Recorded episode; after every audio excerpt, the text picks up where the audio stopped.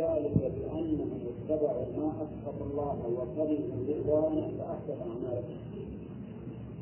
في هذه الثانية تقول هي ما هنا ما أسخط الله فسخط وكرهوا رضوانه الرضا.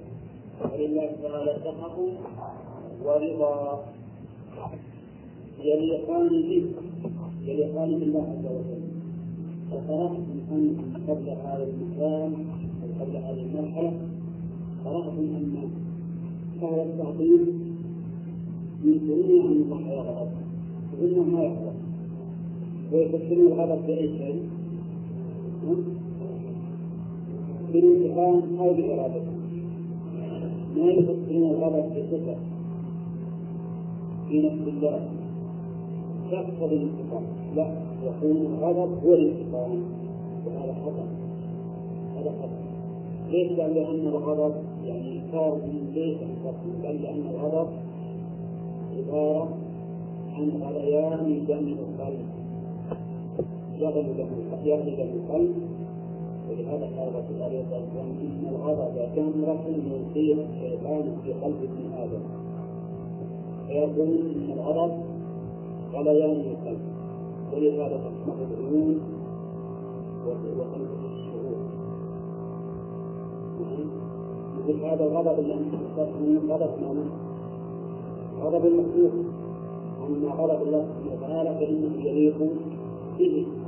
يليق به السخاء والسخاء والرحمن فيها أسباب السخط وإثبات الرضا وقوله فسوف يأتي الله بقوم يحبهم ويحبون أذلة على المسلمين أعزة على الكافرين فسوف هذه جواب لشرط في أول الآية.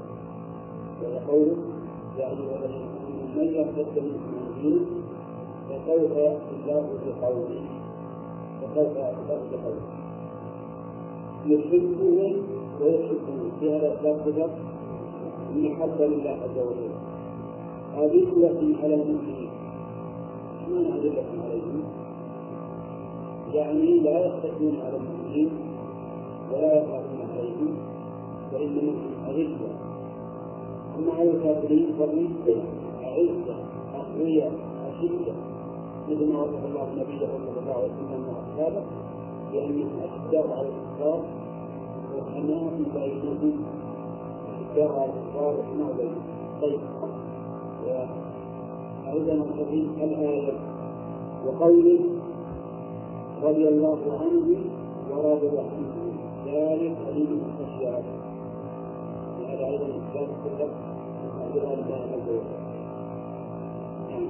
وقال وقول ذلك لمن خشي ربه ما خشي أي خافه مخافة قادرة في علمه لأن الله يقول إنما يخشى الله من عباده العلماء قال وقوله أيضا ومن يقتل مؤمنا متعمدا فجزاؤه جهنم خالدا فيها وغضب الله عليه ولا إيمان هذا فيه وعيد إلى جهنم الخروج فيها الغضب اللعنة والحد وعذاب الجحيم آخر الآية خمس عقوبات لمن يقتل مؤمنا متعمدا والشاهد الشاهد من هذه الآية في هذا المقام قوله وغضب الله عليه ولعنه اللعنة من فعله والغضب من وصفه قال سبحانه وتعالى يغضب ويلعن ويعطينا اللعنة قالوا عباد الله أما الغضب فهو صفة صفة هي في الله عز وجل تليق به ليس صار قال قال وغضب الله عليه وقوله إن الذين كفروا من الزوج متى هذا الكتاب؟ يوم القيامة. لمقت الله أكثر من مقتكم أنفسكم. كان هذه الالتزام وكان وما؟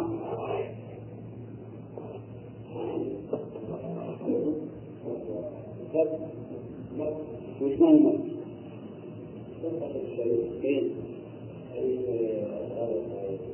إيه؟ طيب. معناه البر أو أشد البر لمقت الله أكبر.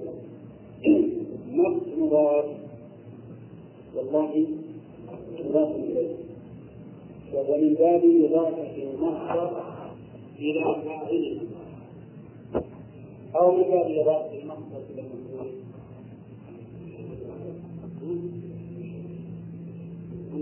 تظن معنى هل هل المصدر هنا مضاف إلى الفاعل ولا إلى المفعول؟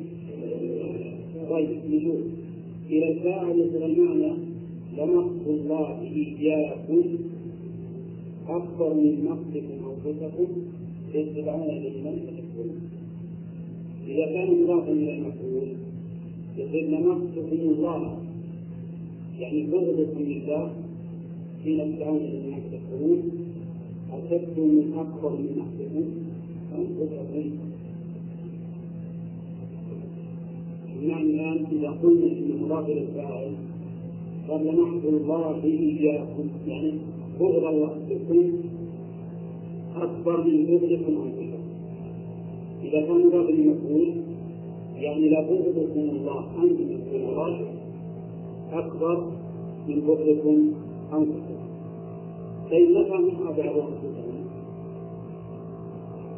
يوم القيامة إذا رأوا العذاب حينئذ لاموا أنفسهم على ما قدموا من الكفر ينادون توبيخا يقال إن مقتكم لله أو إن مقت الله إياكم حين إلى الإمام الصالح أكبر من مقتكم أنفسكم اليوم نعم والثاني من هذه الآية في هذا المقام قول الآية في هذا المقام قول لمقت الله.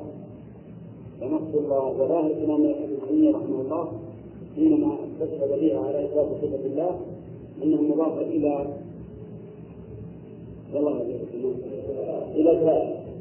يعني يريد أن يثبت أن الله تعالى ينصر يعني يبغض يبغض واجب البعد وقوله تعالى هل ينظرون إلا أن يأتيهم الله في ظلل من الغمام هل استفهام لكن بمعنى النفي وينظرون بمعنى ينتظرون. يعني ما ينتظر هؤلاء إلا هذا اليوم الذي يأتي به الله سبحانه وتعالى في ظلل من الغمام وهو يوم القيامة. يأتيهم الله يأتيهم الله الفاعل الفاعل يأتي من الله.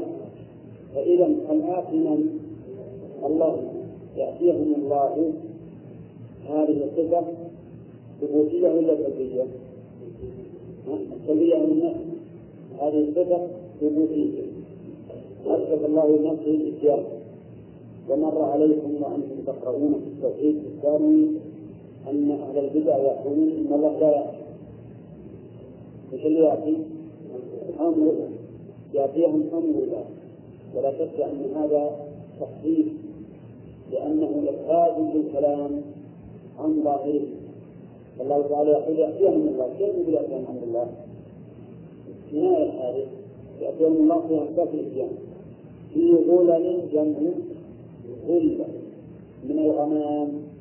وهذا الغمام لا حديث أنه غمام أبيض عظيم. يملأ الأسواق كلها كما قال الله تعالى ويوم تشقق السماء بالغمام ونزل الملائكة تنزيلا. الملك يومئذ الحق والرحمن. وقوله ثم استوى إلى السماء وهي دخان فقال لها وللأرض ائتيا طوعا أو كرها قالت أتينا ظاهرين ثم يعني بعد خلق السماوات بعد خلق الأرض استوى إلى السماء. بمعنى خطر إلى السماء على وجه السماء و والتنزيل وقوله وهي دخان جملة أي معنى دخان؟ أي مثل الدخان نعم. فقال لها وللأرض. جاء قوله فقال. فقال لها. ذات القول وأن الله سبحانه وتعالى يقول إيش قال؟ ائتيا طوعا أو كرها ومعنى ائتيا أي انقادا بأمره سواء ألقاهم فقالتا قالتا أتينا طائعين نعم الشاهد في هذه الآية المؤلف أتى بها لإثبات أن الله يقول وأهل السنة والجماعة كما مر عليكم يثبتون أن الله تعالى يتكلم ويقول بقول مسموع بحروف ولا لا؟ بحروف لكن الصوت الذي يتكلم الله به لا يشبه أصوات المخلوقين أبدا. ولا يمكن أن يشبه أصوات المخلوقين لأن الله تعالى ليس ليس كمثله شيء. وقوله وكلم الله موسى تكليما. كلم الله كلمة الماضي والله. فاعل. وتكليما مصدر مؤكد. مصدر مؤكد قال العلماء علماء اللغة والتأكيد ينفي احتمال المجاز. التوكيد ينفي احتمال المجاز. لأن إذا كانت الكلمة تحتمل من المجاز ثم أكدت دل هذا على أنها ليست بمجاز. نعم. هنا كلم الله موسى تكليما. تكليم المصدر. تكليم المصدر مؤثر مثل ما إذا قلت ضربته ضربا وكتبته كتابة. نعم. وأخذته أخذا يعني معنى ذلك أن الكلام دون الحقيقة إن الله كلم موسى. كلم موسى. كلام بشروط وأصوات. نعم كلام حقيقي بحرف وصوت سمعه موسى عليه الصلاة والسلام لاحظوا أن الذين ينكرون أن الله يتكلم من الجهمية وغيرهم يفسرون الآية؟ يقول كلم الله أي لا غير اللي يحرفون لفظة يكون على لفظة وكلم الله موسى يقولون ومنهم التمثل في تفسيره يقول كلم الله موسى أي جرحه بمخالب الحكمة. جرحه بمخالب الحكمة. إيش يتصور الله تعالى؟ حين يقول جرحه. نعم. نعم. يتكلم يعني تصور على وجه لا يليق الآن فروا من شيء يظنونه باطلا إلى شيء أفضل منه. معنى جرحه بمخالب الحكمة؟ بمعنى لأن الكلم يأتي بمعنى الجرح ومنه ما جاء في الحديث ما من مسلوم يقدم في سبيل الله إلا جاء يوم القيامة وقلبه يذهب دما اللون وفيه حروف الدم لكن قال القلب ما يجاز صحيح لكن التكليم ليس ما يجاز. وحتى لو كان ما يجاز فهنا ممتنع ممتنع من الله إلا التحكيم طيب في ناس في ناس حرفت الآية لفظا قالوا فيها وكلم الله موسى علشان يكون المكلم موسى. ولكنهم لو استطاعوا أن يحرفوا الكلمة الكلمة هذه ما استطاعوا أن يحرفوا قول الله تعالى ولما جاء موسى لميقاتنا وكلمه ربه كلمه ربه. يستطيعون يحرفون به؟ ما يستطيعون. طيب. وقوله تعالى وناديناه من جانب السور الايمن وقربناه نتيجا. ناديناه نتيجا.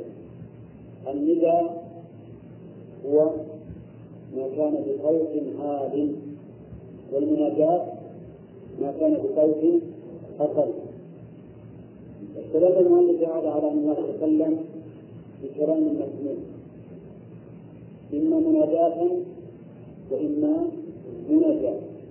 وقربناه نبيا وقال ويوم يناديهم القاء على الله؟ فيقول أين شركائي الذين كنتم تدعون؟ وهذا متى يكون؟ يوم القيامة. يتحداهم يقول وين الشركاء؟ وين الأصنام اللي تعبدونها مع الله؟ هل تنفعكم؟ لا. إنكم وما تعبدون من دون الله حسب جهنم أنتم واردون لو كان هؤلاء آلهة ما وردوها نعم وقوله إنما أمره إذا أراد شيئا أن يقول له كن فيكون. هذا أيضا في أثبات الله يقول بحرف أن يقول له أين يقول القول؟ أن يقول له كن. كن هذا حروف من الكاف والنون. فيكون. وقال وقوله هو الله الذي لا إله إلا هو الملك القدوس السلام المؤمن المهيمن العزيز الجبار المتكبر سبحان الله عما يشركون والله الخالق البارئ المصور.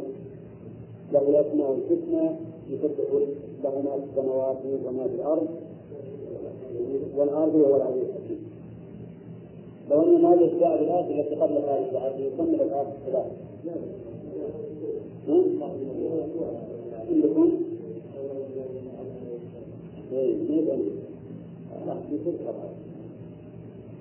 والله الذي لا إله إلا هو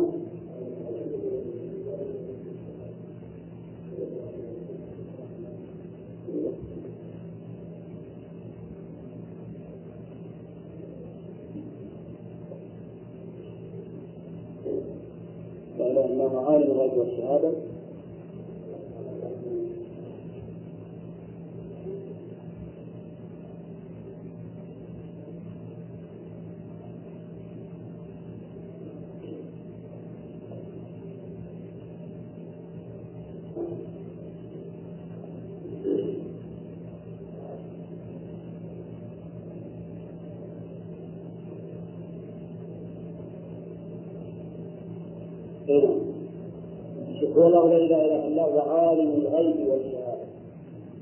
اولا لا إله إلا الله في اثبات الالوهيه وعالم الغيب والشهاده العلم وعموم الرحمن الرحيم اثبات الرحمة. هو الله الذي لا إله إلا هو الملك اثبات الملك القدوس اثبات القدوسيه وهي الطهارة. والتنزه عن كل قدر. السلام بمعنى السلامة من كل عيب ونقص معنى أن يصدق يصدق بمن؟ بكل ما بكل ما هو حق. مصدق بكل ما هو حق. ولذلك هو تعالى يصدق برسالة رسله ويصدق بكل ما وعد به من ثواب وعقاب. العزيز المهيمن الهيمنة معنى الحاكم الذي لا أحد يشاركه في حكمه العزيز الغالب الجبار بالجبروت وهي القوة المتكبر بالتكبر والترفع والتعالي؟ ولهذا قال سبحان الله عما يشركون. تنزيه الله عن هذه الأصنام التي أشركوا بها معه هو الله الخالق الخالق من الموجد للأشياء البارئ الذي خلقها على صفة معينة. نعم.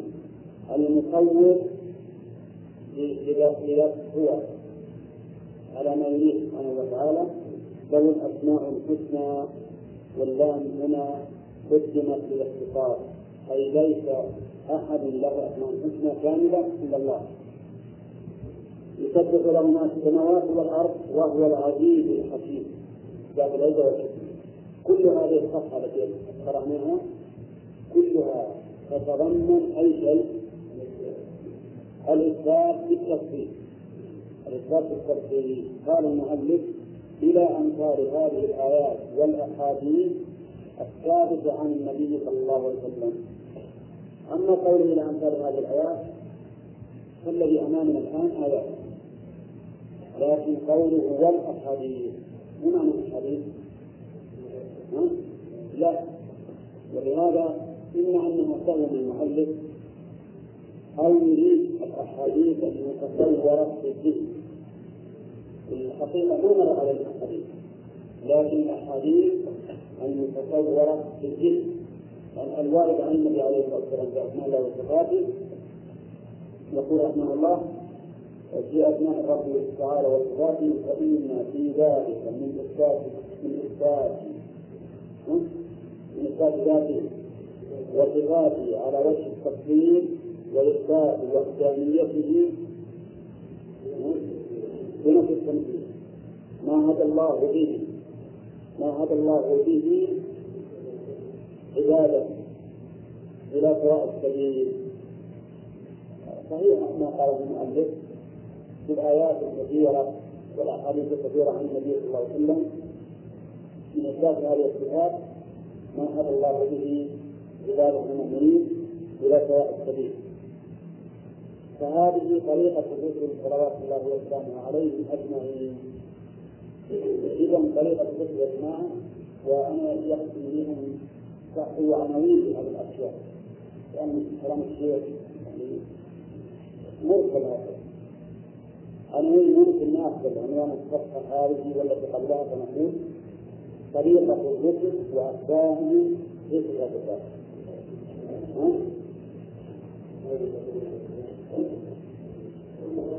من قول الله سبحانه وتعالى بعث رسلا القاعدة هي أن طريقة الرسل التي بعث من الله بها هي التفصيل في الإثبات والإسناد نعم هذا القاعدة الآن طريقة الرسل التي بعثوا بها هي التفصيل في الإثبات والإجمال في النفي وحين استثنينا قلنا إلا إلا إلا ما كان ردا لصفة وصف بها. من صفات الأيد فإنه يقول على التفصيل أو كان أو كان لبيان كمال صفة الربوبية وكان بيان ثبوت ببيان كمال صفة ربوبية أو قيل على سبيل المقابلة كما مر في الدرس الماضي وهذه المقابلة الحقيقة قد يعني قد نستغني بقولنا ما فيه بإثبات صفة الكمال يكفي أما أما بالأول فقد قبل فهي أقسام الخلاف إلى خبر وعيسى أقسام الكلام إلى خبر وعيسى هذا مقدمين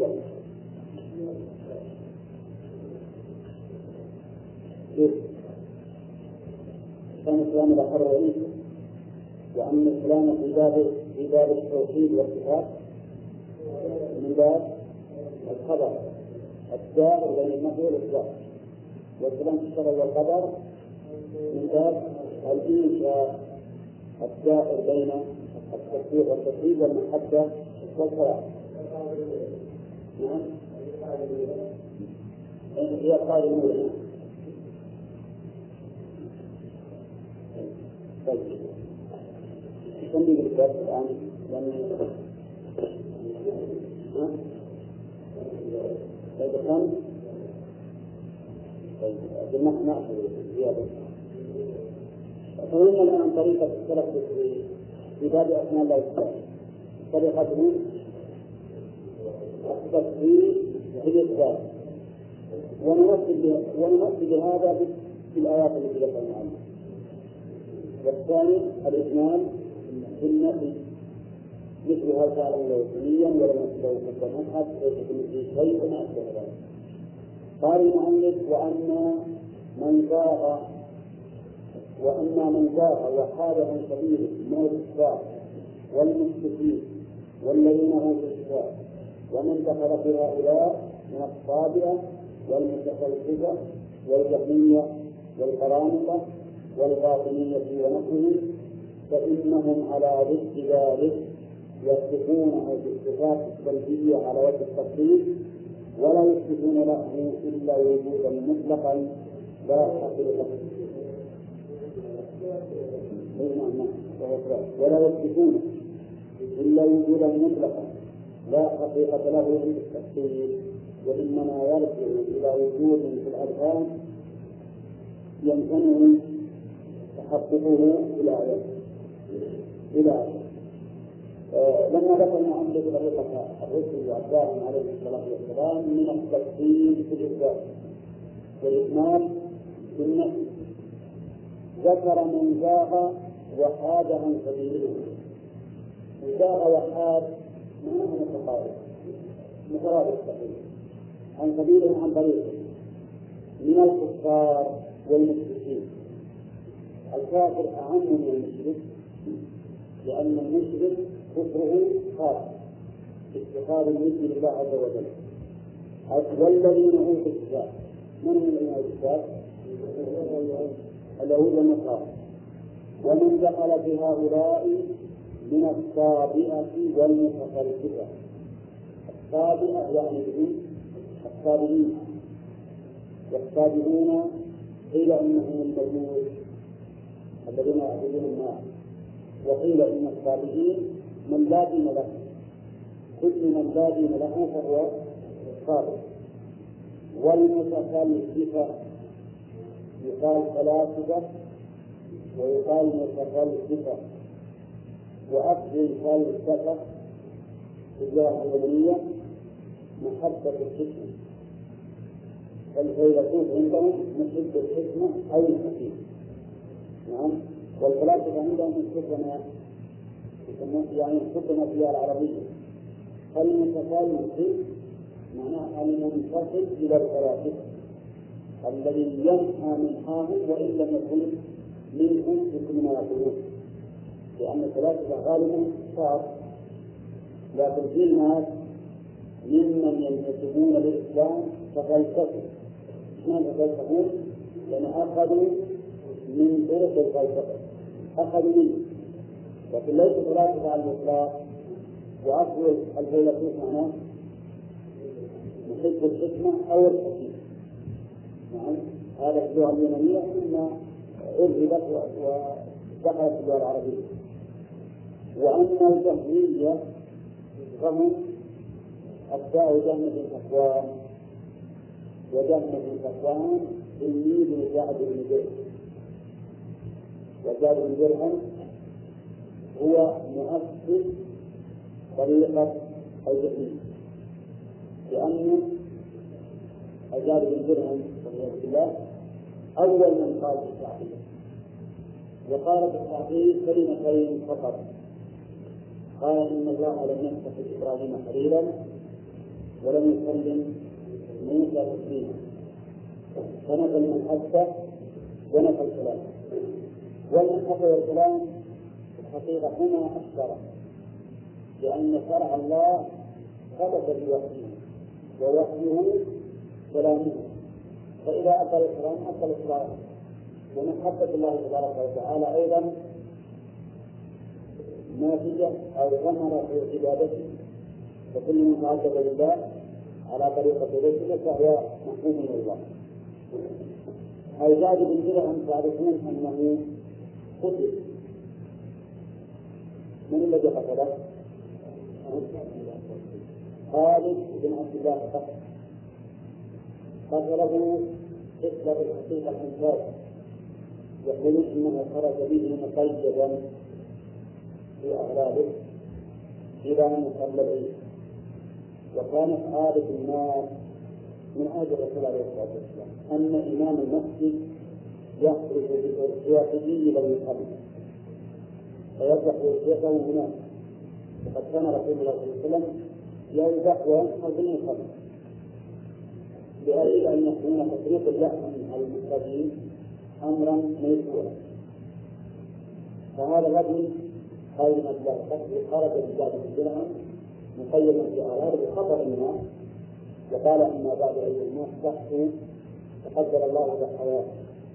فإني مضحي بزاد من لأنه قال إن الله لم يتخذ إبراهيم خليلا ولم يخلي موسى تسليما ثم نزل فذبح فكانت الحكم مقبولة ومشكورة لكنها غير مقبولة.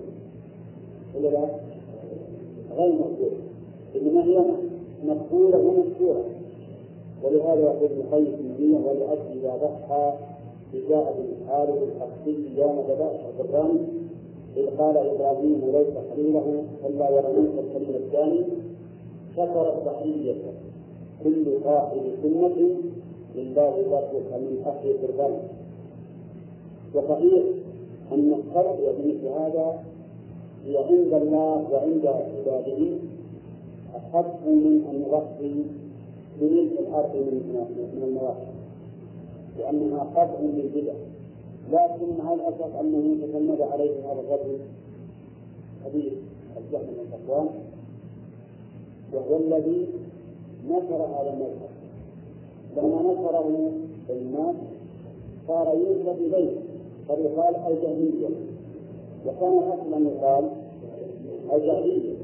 لكن نظرا إلى أن ذلك لم يستقل له الأمر ما نسب إليه انتشر على مثل هذا والله تعالى تفصيل في الإثبات ووجه الإجمال النفس وساق المؤلف الآيات الكثيرة الدالة على ذلك تفصيلا في الإثبات وإجمالا في النفس ثم قال من زاغ وحاد عن سبيله من هؤلاء الأصنام الكفار والمشركين والذين اوتوا الكتاب ومن دخل في هؤلاء ومن دخل في هؤلاء من الصابئه والمتفلسفة والجهمية والقرامطة والباطنية ونحوهم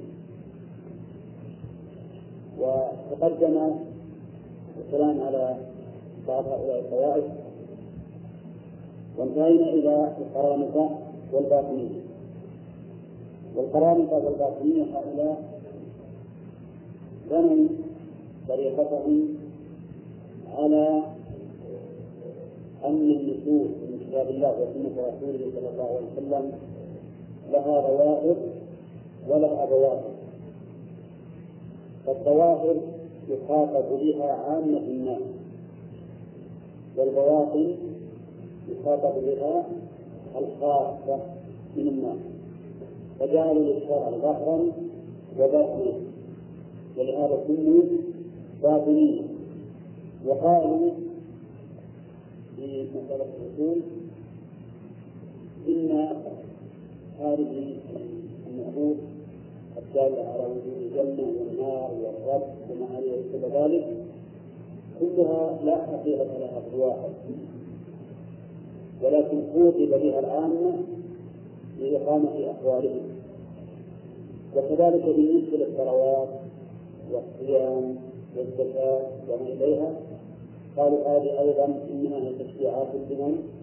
للعامة فقط وهذه ظواهر النصوص لكن الخواص منا ليس لهم هذه الظواهر وإنما لهم بواطن النصوص وهي أن كل هذا شيء لا حقيقة له.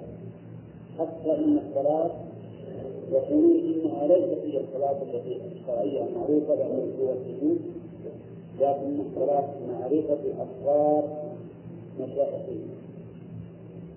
والصيام هو عبارة عن إتمام أسرارهم لأن الصيام الإنسان معناه أن تنهك عن بيان أسرارهم التي عليه التي هم والحج ليس قصد نفسه ولكنه قصد مشايخهم وأوليائهم ولهذا سموا قرامطة نسبة إلى رجل يقال له حمدان حرمة وقيل له باطنية نسبة إلى مذهبهم وهم يسمون بغير هذه الأسماء لكن هذا مدار على أن للنصوص ظواهر وبواطن فالظواهر يخاطب من الأسنان يخاطب بها العام وتبقى على ظاهره والبواطن إنما يخاطب بها الخاصة ولا يعلمها إلا الخاصة فقط. هؤلاء الباطنية هؤلاء المنحرفون يقول فإنهم على ضد ذلك. ضد ذلك. ومثال ما هو؟ طريقة الرسول وأتباعه وتكون بالصفات السلبية على وجه التفصيل. وتكون بالصفات السلبية السلب بمعنى النفي هذا ما السلب تمام الصفات السلبية أي الصفات النفي على وجه التفصيل. يقول مثلا الله هو كذا ولا هو كذا ولا هو كذا ولا هو كذا. يفصلون. نعم. ويقول إن الله ليس بجوهر ولا عرض ولا جسم ولا مستقبل في الحوادث ولا يفعل ولا ينزل ولا يرتوي على العرش إلى آخره. ولا يثبتون إلا وجودا مطلقا لا حقيقة له عند التحقيق وإنما يرجع إلى وجود في الأرحام يمتنع تحققه في الأعيان يعني هم لا يثبتون الإله سبحانه وتعالى إلا أنه وجود مطلق المراد بالوجود المطلق هنا الذي لا يختص بالصفات وجود مطلق يعني لا صفات له غير مقيد بالصفات المراد بالوجود المطلق هنا الذي ليس مقيدا بالصفة لا بسم ولا بصر ولا علم ولا حكمة ولا عزة ولا شيء. وجود مطلق. المال الوجود لا حقيقة له عند التحصيل وإنما يرجع يرجع إلى وجوده في الأرحام. في عندكم إلى وجوده في الأرحام. يمتنع تحققه في الأعيان والوجود الذهني غير وجود العين الوجود الذهني معناه أن يفرض الذهن شيئا. ولكنه لا يمكن أن يوجد فمثل ذهن الإنسان؟ قد يفرض أن شيئا موجودا ولا له صفة. ولا لا؟ يعني قد تتخيل أن في شيء موجود ما له سمع ولا بصر ولا قوة ولا قدرة ولا عزة ولا حكمة. نعم يمكن يفرض هذا. لكن هل يمكن أن يوجد شيء لا صفة له؟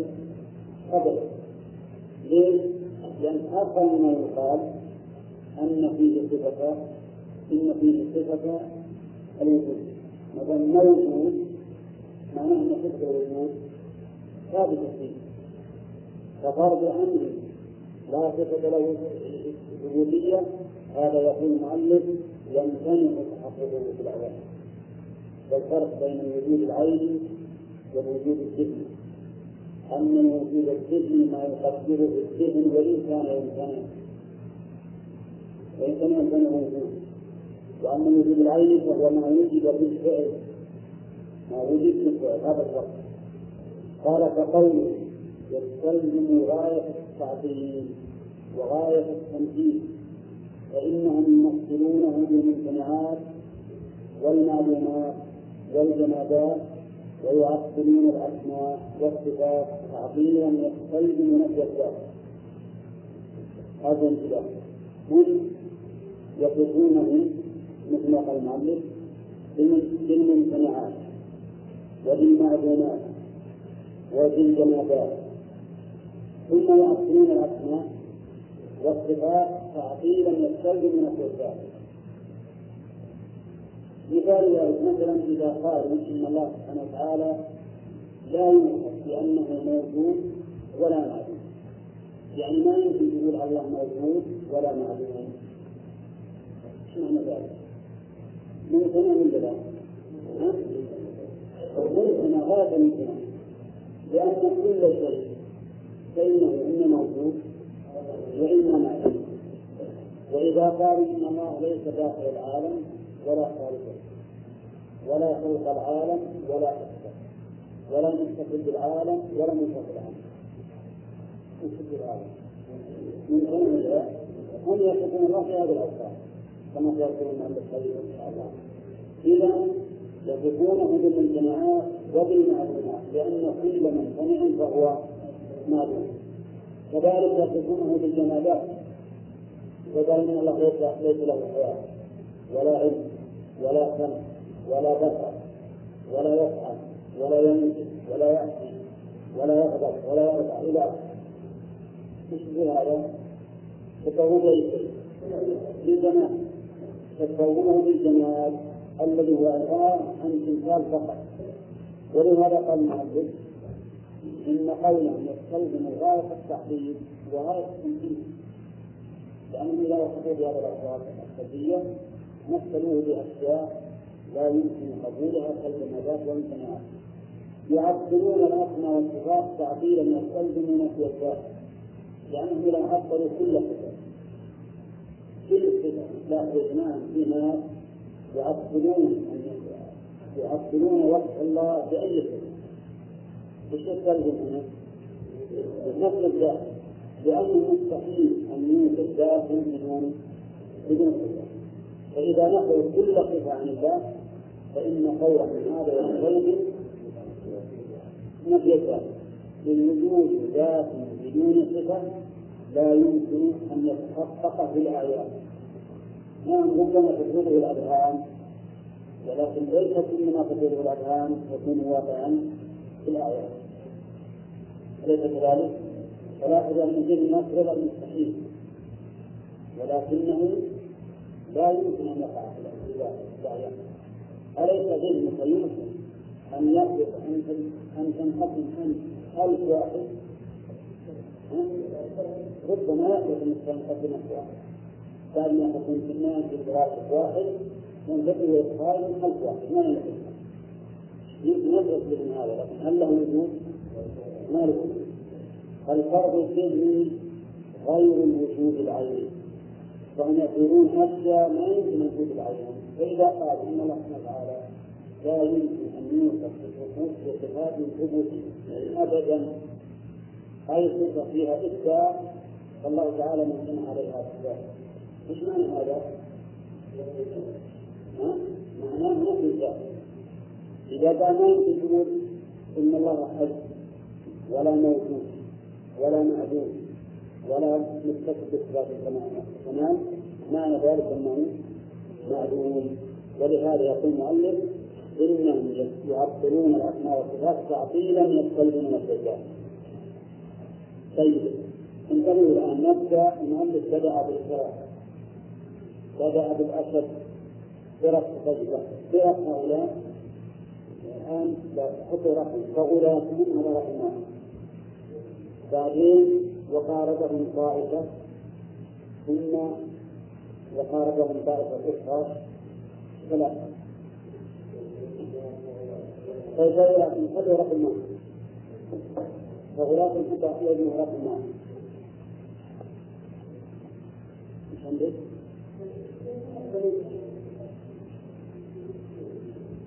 لا طبعا ما يأمرون ما كنا من كنا ان الشرع له ظاهر أي نعم. اي نعم ابدا ما يعملون هم لا يكفرون ولا يكفرون ولا يدرسون ولا شيء ابدا. وحتى أنهم يستحبون نساء المحارم.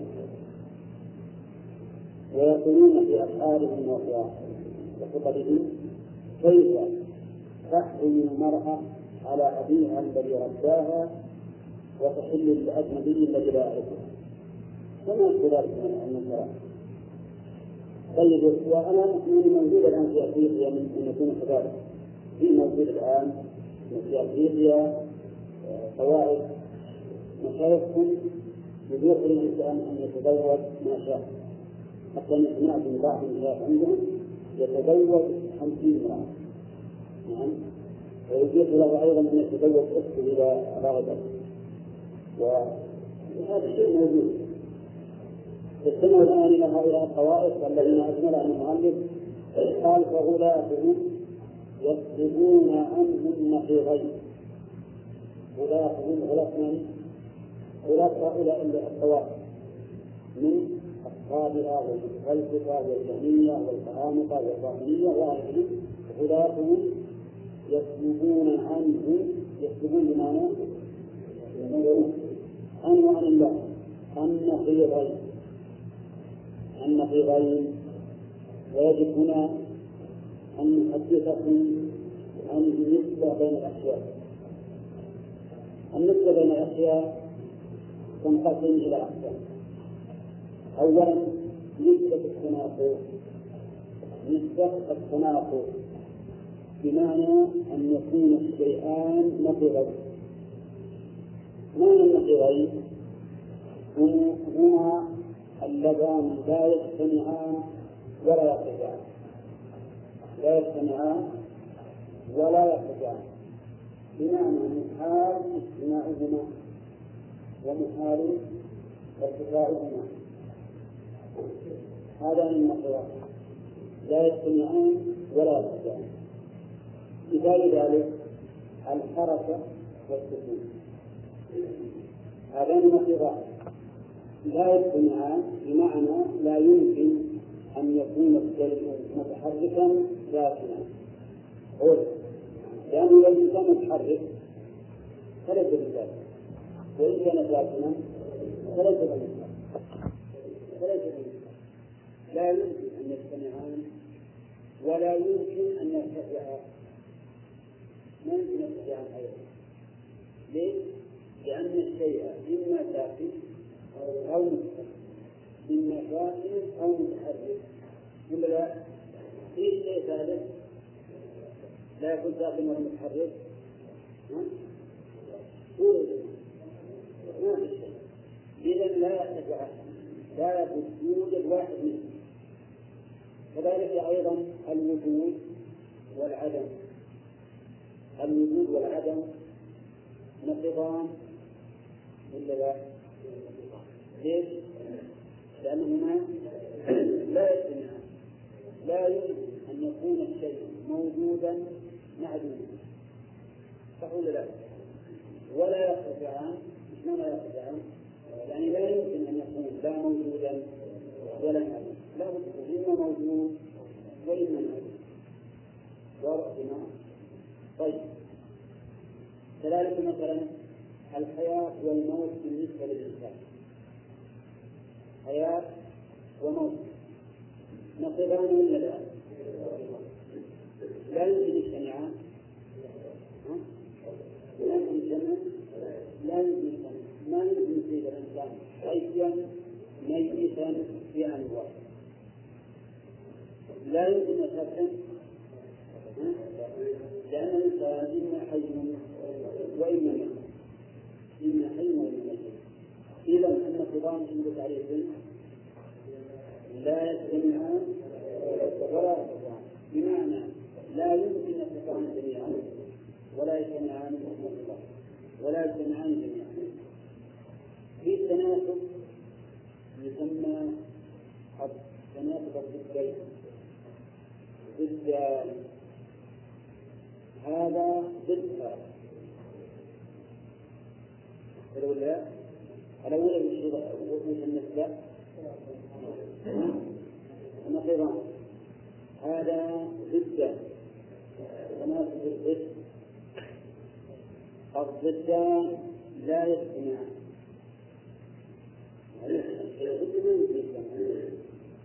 لا يجتمعان ويرتفعان لا يجتمعان ويرتفعان حول يعني يمكن يفرقون كلهم يمكن ولكن كلهم يجتمعان لا يجتمعان ولكن يمكن أن يرتفعا انتبهوا يا جماعة ترى أنت مسؤول عن هذه المناسبة لكن يمكن يرتفع مثال ذلك السواد والبياض السواد والبياض ضدان ولا ولا لا؟ ضدان ما يمكن أن يطلق بيضاء في آن واحد. ولا لا؟ ما يمكن تكون بيضاء في آن واحد. أولى طيب لكن يرجع بمعنى أنه يمكن التأتي لا أسود ولا أبيض يكون أحمر مثلا يكون أحمر. إذا رب الدم لا يجتمعان ويرتفعان ومعنى يرتفعان يعني يمكن أن يرتفعان ومعنى لا يجتمعان يعني لا يمكن أن يجتمعان فإذا يجب أن تفرق عندما تقول السواد ضد البياض أو نقيض البياض. ضد البياض. لو تكون نقيض البياض صار ذلك خطأ. صار ذلك خطأ. لو تقول الوجود ضد العدم خطأ بشمول نقيض العدم. لأن ما يمكن الفرق لا يمكن الفرق طيب في نسبة ثالثة تسمى الخلاف نسبة الخلاف. بمعنى أن يقال للشيء هذا الشيء والآخر هذان خلافان. هذان خلافان فالخلافان متغايران. يمكن أن يجتمعا وأن يرتفعا الخلافان متغايران في الحقيقة. لكن يجتمعان ويرتفعان يجتمعان ويرتفعان ومع ذلك يسميان خلافين الخلافان ما يجتمعان وما ويرتفعان لكنهما مختلفان في الحقيقة.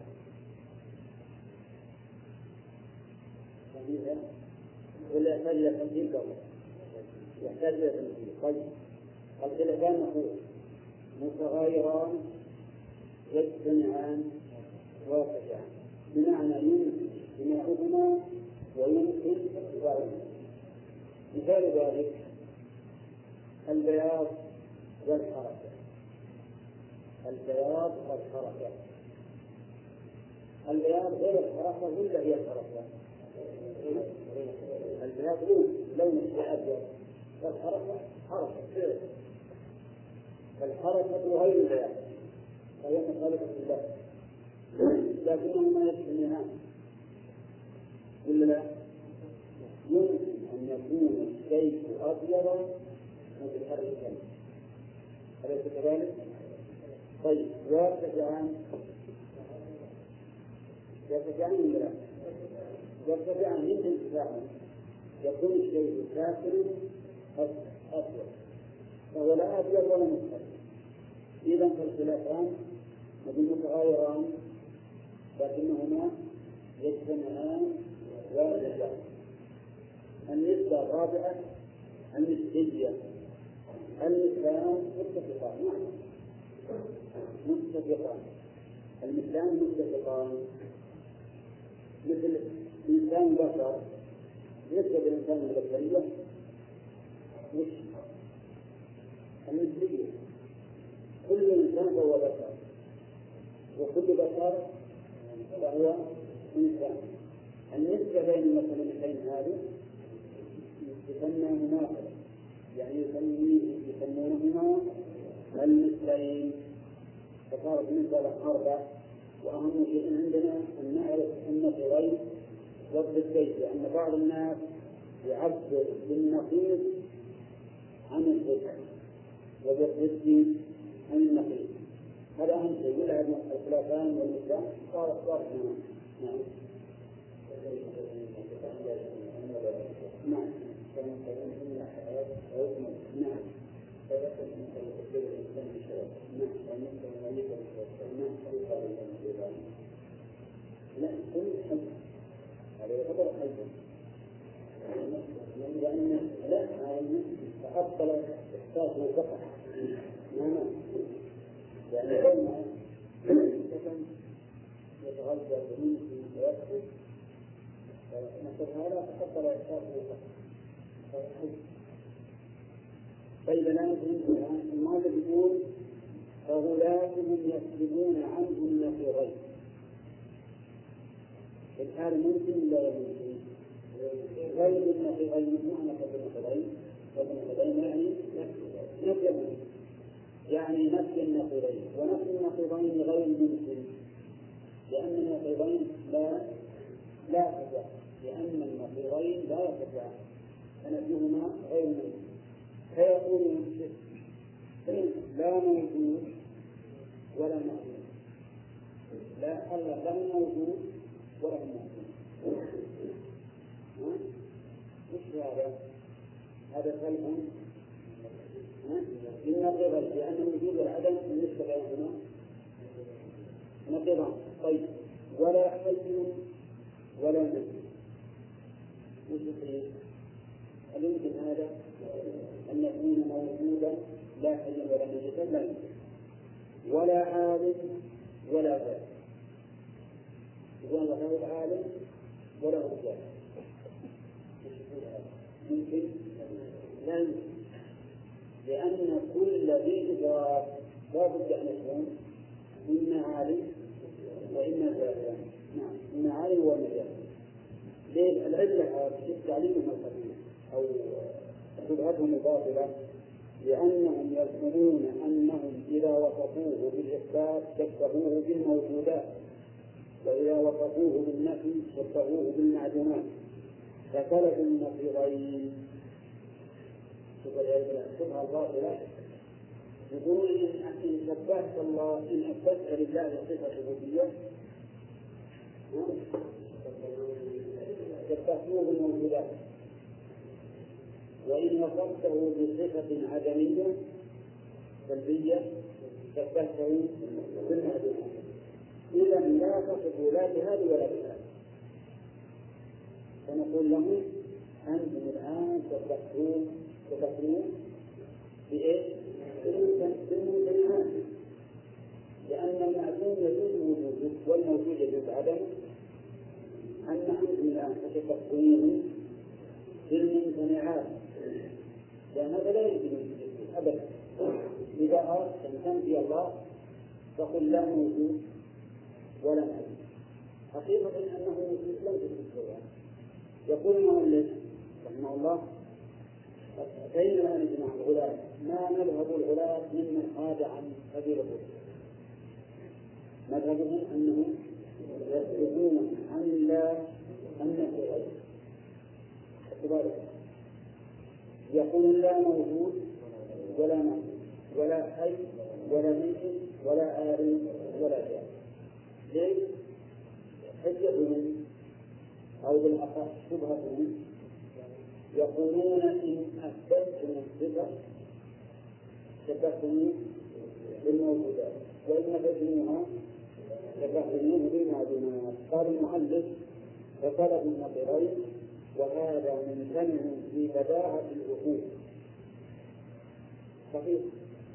يعني بداهة العقول أولا يعني المعنى أنه بمجرد ما يتصور الإنسان هذا الكلام يجد أنه باطل وهذا امتنعوا ببدء الرسول وحرفوا ما أنزل الله من الكتاب وما جاء به الرسول فوقعوا في شر مما فروا منه. فإنهم شبهوه بالممتنعات إذ كلب النقيضين وجمع النقيضين كلاهما من الممتنعات. صحيح؟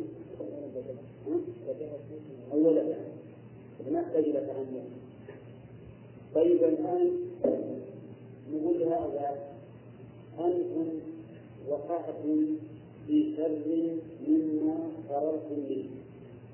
ولا لأنكم تقولون إن كنتم من الله حي فتحكمون بالموت وإن كنتم ميت فتحكمون بالمعلومة صح ولا لا؟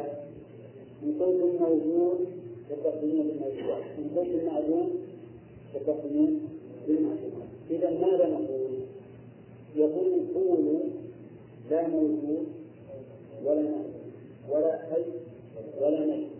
ولا عالم ولا جاهل ولا بصير ولا أعمى ولا سميع ولا أرحم نعم. ولا فاعل ولا متعصب. يعني كل هذه يكون عن الله نقول لهم الآن تكتبون بأي شيء؟ بالشيء الممتنع وتشبيه الشيء بممتنع يجعله ممتنعا يجعله ممتنعا فأنتم الآن وقعتم في شر مما طلبتم منه. وأيضا سلبتم النقيضين وكلب النقيضين كجنب النقيضين كلاهما ممتنع فمن الكلام هذا كلب النقيضين يعني رفعهما. كجنب النقيضين يعني اجتماعهما. فكما أنه لا يمكن أن يكون الشيء مثل ساكن في عين واحد لأن هذا من بين النظرين كذلك لا يمكن أن يكون لا متحرك ولا ساكن لأن هذا كلب بالنقيضين وقد علمتم يا جماعة أن النقيضين يشبههما لا يجتمعان ولا يرتفعان اجتماعهما ممتنع وارتفاعهما أيضا ممتنع. طيب.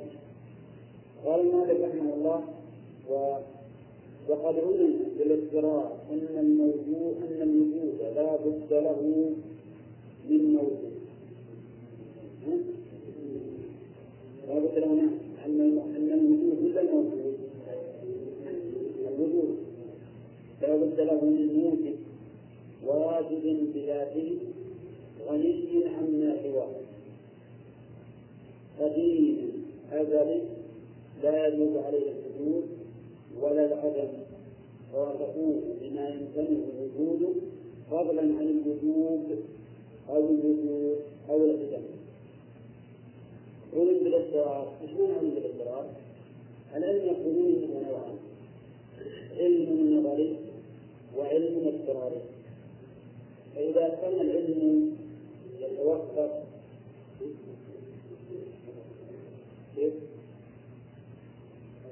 نعم. وغالبا كان يحرك من عند الله. لكن هذا ما نبين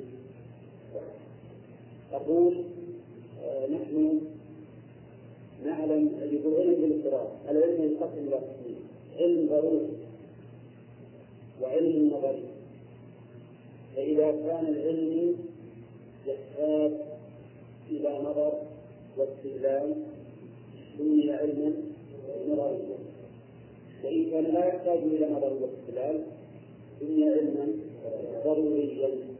سمي علما ضروريا أو اضطراريا. مثلا إذا قال لك قائل هل المسلم واجب أو سنة؟ علمنا بأنه واجب أو سنة. علم نظري يعني يحتاج الشك والأدلة والنظر فيها ولا يعرفه إلا أهل العلم. نعم. لكن علمنا بأن الوجود أو الموجود لا بد له من موجود ضروري ولا لا؟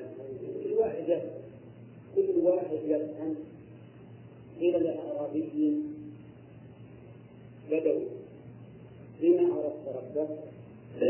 فقال الأثر يدل على اليقين. والبعرة تدل على البعيد أي أولى فسماء ذات أبراج وأرض ذات حجاج وبحار ذات أمواج ألا تدل على السنة واليقين؟ طيب هذا الرجل استدل بشيء غير المدلات هذه السماوات والأرضون والبحار والأشجار والأنهار وهذا النظام البديع وهذا التآلف بين أجزائه مع اختلافها. يدل عليه؟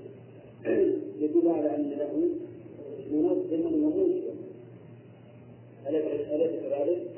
إذا هذا معلوم بالضرورة. أنه لا بد له من موجب واجب بذاته من واجب بذاته؟ الواجب هنا غير الواجب في الفقه. الواجب في الفقه هو الذي يلزم فعله والواجب هنا هو الذي لا يمكن عدمه. الواجب هو الذي لا يمكن عدمه ومعنى واجب بذاته يعني لا يمكن عدمه فالرب سبحانه وتعالى لا يمكن أن يكون معدوما فهو ازلي أبدي. قال المؤلف غني عما سواه. صحيح ولا لأنه لو احتاج إلى غيره لم يكن قائما بالخلق. على وجه الكمال قديم أزلي. كلمة قديم هنا يعني من الأمر الذي يتعرض على المؤلف. لأن المؤلف نفسه مما ينكر هذا الوصف لكنه قال ذلك لأنه يتكلم مع من؟ مع ثلاثة فلاسفة يصفون الله بالقديم يعني ما يعرفون الله إلا بالقديم نعم. فهو يتكلم معهم بلغتهم وإلا فمن المعلوم أن كلمة قديم ليست من أسماء الله ولا من صفات الله. ولهذا أرجحها بقوله أزلي إيش معنى الأزلي؟ الذي لم يزل موجودا. الذي لم يزل موجودا. يقابل الأزلي الأبدي. الأبدي هو الذي لا يزال موجودا. الأبدي الدوام بالنسبة للمستقبل والأزلية الدوام بالنسبة للماضي ومن أجل هذا المؤلف أرجح القديم بالأزلي من الأزلي؟ الذي لا بداية له. لم يزل موجودا وإنما أرجحها بالأزلي لأن القديم في اللغة العربية ما تقدم غيره وإن لم يكن أزليا وانظر إلى قول الله تعالى والقمر قدرناه منازل حتى عاد كالعرجون القديم. وش معنى عرجون القديم؟ يعني سابق على غيره وإن كان ليس أزليا فعرجون المثل هو أزلي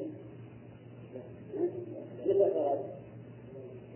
خرج العام الماضي مثلا هذه السنة صار عرجون عرجون الحاصل أن نقول إن القديم الأزلي ليس من أسماء الله ولا من صفاته. ما ورد ذلك؟ في أسماء الله ولا لكن المؤلف تكلم بها لأنه يخاطب من؟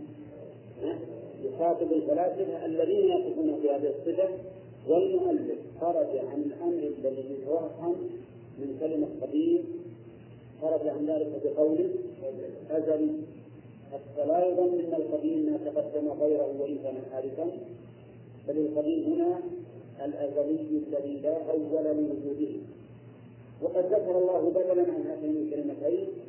كلمة واحدة أفضل منهما كلمة واحدة أفضل منهما وأقوى وهي قوله تعالى هو الأول. هو الأول. وهو الأول تعطي معنى غير الأسبقية والمعنى الصحيح هو أن كل شيء يعود إليه. فهو أول سابق على غيره. وهو أول تؤول الأشياء إليه وفرضه لهذا نقول إن هاتين الكلمتين لو لو لو تركوا المؤلف لكان أحسن لكن عذر المؤلف أنه يتكلم بلسان قوم ألفوا هذه الكلمتين؟ ولا بأس أن يخاطب الناس باختلافهم إذا تبين الحق وأزيل الوهم ومن المؤلف قال على الوهم بقوله أبدا لا يجوز عليه الحدود.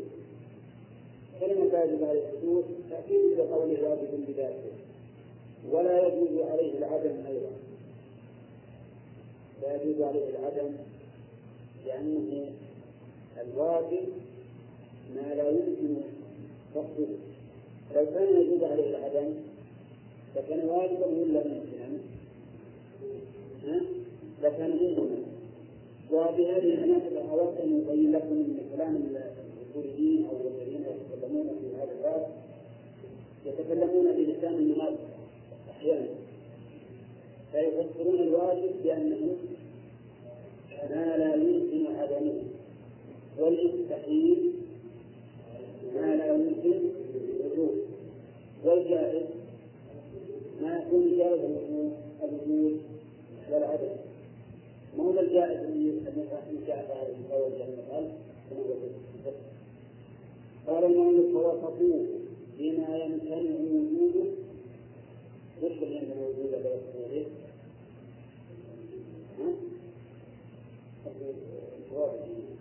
وصفوه هؤلاء وصفوه بما يمتنع وجوده وجوده. انتهوا النتائج هذا يمتنع كلب النقيضين وصفوه بكلب النقيضين عنه. حيث قالوا إيش؟ لا موجود ولا موجود لا حي ولا ميت. لا عالم ولا جاهل. ونرجع ترتيب لهذا لكن ما الثلاث عندنا فقط لأن الوجود أعم من الحياة والموت. ولا لا؟ الوجود أعم من الحياة والموت. صحيح ولا لا؟ فقد يكون شيء موجودا وليس حيا ولا ميتا مثل الموت في الحياة والممات مثل الأحجار والأشياء وقد يوصف الحاد والموت ولكن ليس له روح مثل الأشجار. وقد يوصف الحاد الموت وله روح مثل بني آدم والحيوان. يعالج بالكفر طيب ممكن يكون أيضا لا سميع. ولا أصم لا بصير. ولا أعمى ولا لا؟ لا فاعل ولا يعني غير فاعل يمكن يكون هذا أيضا لكن كل هذه الأوصاف يقول أنها يمتنع وجوده فضلا عن الوجود. الله واجب الوجود واجب الوجود. أليس كذلك؟ لأنه يمتنع عدمه أزلا وأبدا. جعلوا لا موجود ولا معدوم فنفوا عنه أن يكون واجب الوجود. نفوا أن يكون واجب الوجود. بل زعموا أنه متصف بما يمتنع ببداءة الوجود. فضلا عن الوجود أو الوجود. كيف هو الوجود؟ لأنه ما يمكن الله بأنه موجود أو القدم لأنه لا يقسم الله تعالى بأنه أول أو قديم. فاعترضوا عنه. النقيضين الجمل عنه الذين حالوا وزاغوا عن سبيل الرسل وأتباعهم ينقسمون إلى ثلاث فرق. هذه الفرقة الأولى الغلاة الذين يكتبون عنه النقيضين ما هما؟ الوجود والعدم الحياة والموت والعلم والجهل السمع والصمم وهكذا. ما هي صفاتهم؟ يقولون إن أثبتنا له الصفة شبهناه بالموجودات وإن نفينا عنه الصفة شبهناه بالمعلومات إذا فلا نثبت ولا نثبت لا موجود ولا غير موجود لا معدوم ولا غير معدوم ترى كلام هذا لأن لا موجود ولا غير موجود هو لا موجود ولا معدوم لأن غير الموجود هو المعدوم. غير الموجود هو المعدوم. لكن اختلاف التعبير. الحاصل من لا لا سميع ولا غير سميع لا فاعل ولا غير فاعل. لا متكلم ولا غير متكلم. مفهوم؟ طيب. وشبه إلى هذا نقول له إن لما فررتم من تشبيه بالموجودات والمعلومات وقعتم في بين الشيء بالممتنعات التي ما يمكن لأي عقل؟ ببداهة العقول يعلم أن هذا أمر غير ببداهة العقل. وقد علم كما قال المؤلف في الاقتراح أن الموجود أو الوجود لا بد له من من لا بد له من فنقول لهم هل أنتم أيها الفلاسفة هل أنتم موجودون أو معدومون؟ فسيقولون موجودون أو معدومون موجودون نقول من الذي أوجدكم؟ من الذي أوجدكم؟ يقولون أوجدنا من ليس بموجود ولا غير موجود. نعم هذا ممكن ذا ولا لا؟ غير ممكن فالوجود يعني بالضرورة أخذت عليه. ببداهة العقل وضرورة العلم. إلا نقرأ اليوم.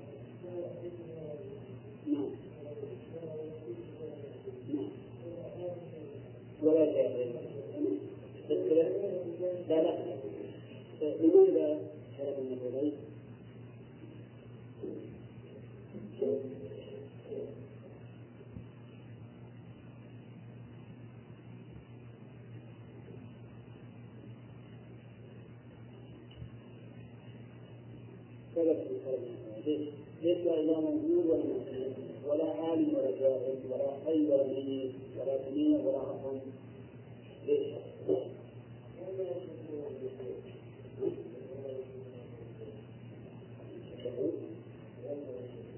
لأن كيف ذلك؟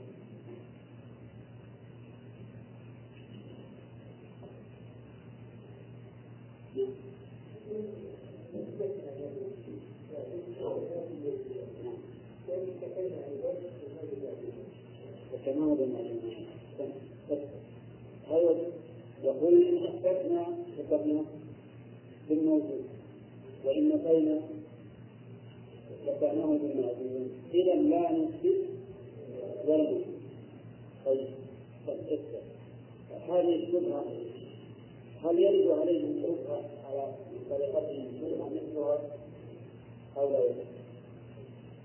هذه الشبهة. للتسجيل هل يمكن أن نرد عليه بها ونقول يلزمكم في طريقتكم هذه مثل ما يلزمكم في إثبات النبي أو لا يمكن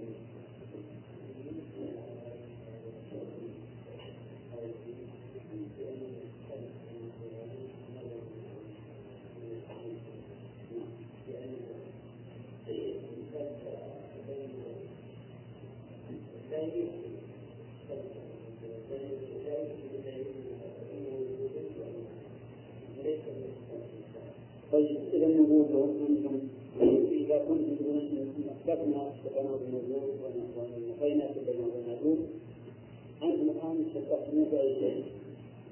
الشيء الممكن. اللي ما يمكن أبدا. ولا عدم لا عدم ولا وجود. مثلا أنتم الآن تستخدمون بالذي يمكنه غاية الامتنان طيب. يقول من هذا سبب من هذا المجتمع غاية فقلنا والنقيضان وهما ممتنع فإن كما أن الجمع بين النقيضين ممتنع كذلك قلب النقيضين ممتنع طيب مين أيضا؟ ثاني بالرد عليه. ذكر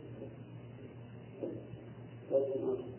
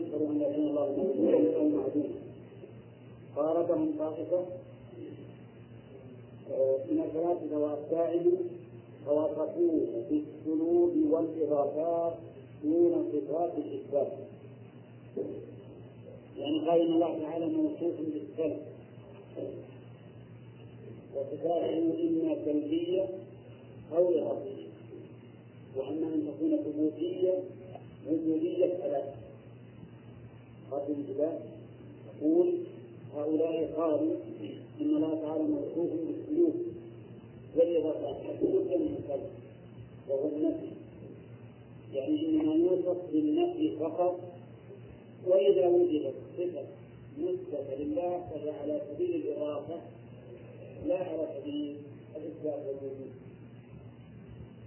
مثلا يقولون ما نقول بأن الله له السمع نقول الله له السمع ولكن قل إن الله ليس بعصم قل إن الله ليس بعصم ما تقول له فإن أثبتت له سمعا وجعلتها صفة ثبوتية فهي إضافية.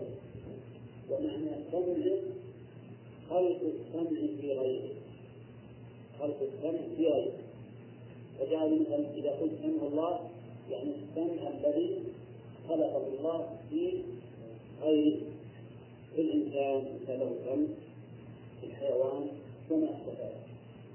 فهم إذا يقولون ليس لله صفة ثبوتية أبدا.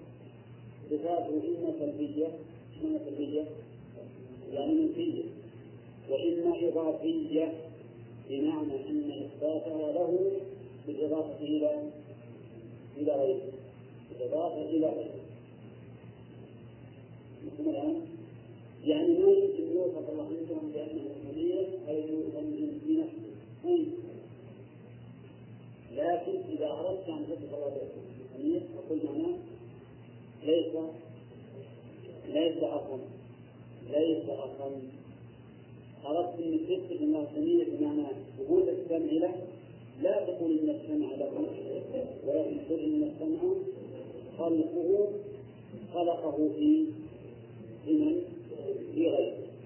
فإضافة السمع إلى الله إضافة مخلوق إلى خالقه لا إلى لا إضافة صفة إلى موصوفه إلى موصوفه طيب.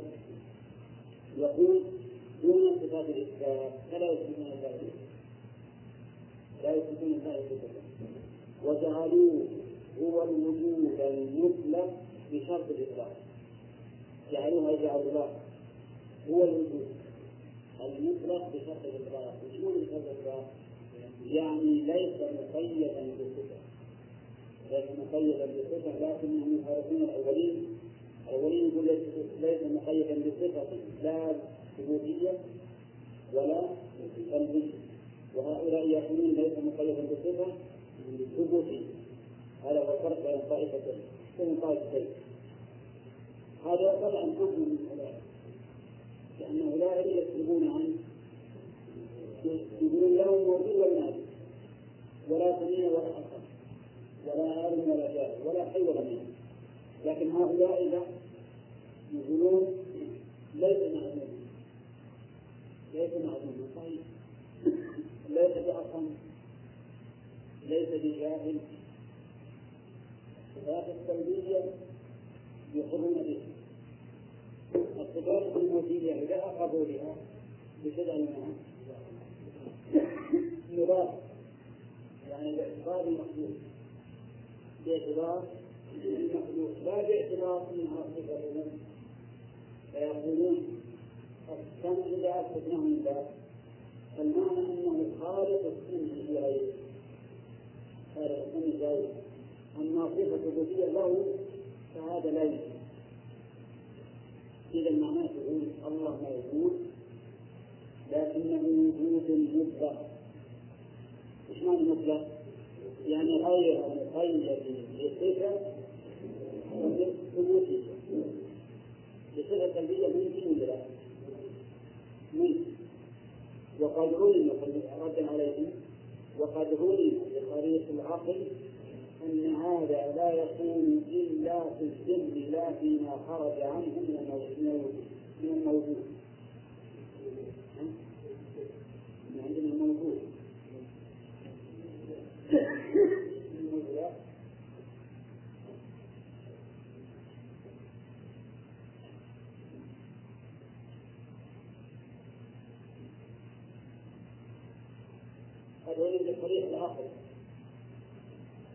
دائما نسمع كلمة نسمع كلمة دائما صحيح النقل بطريق العقل إيش معنى صحيح النقل؟ يعني النقل الصحيح. الثابت بطريق العقل يعني العقل الصريح. والصريح معناها الخالص من الشبهات والشهوات. العقل الصريح اللي ما فيه شبهة ما عنده شبهة عنده علم. ولا عنده إرادة سيئة العقل الصريح هو العقل الخالي من من الشبهات ومن الشهوات. وطبعا المراد بالعقل ذهن الإنسان.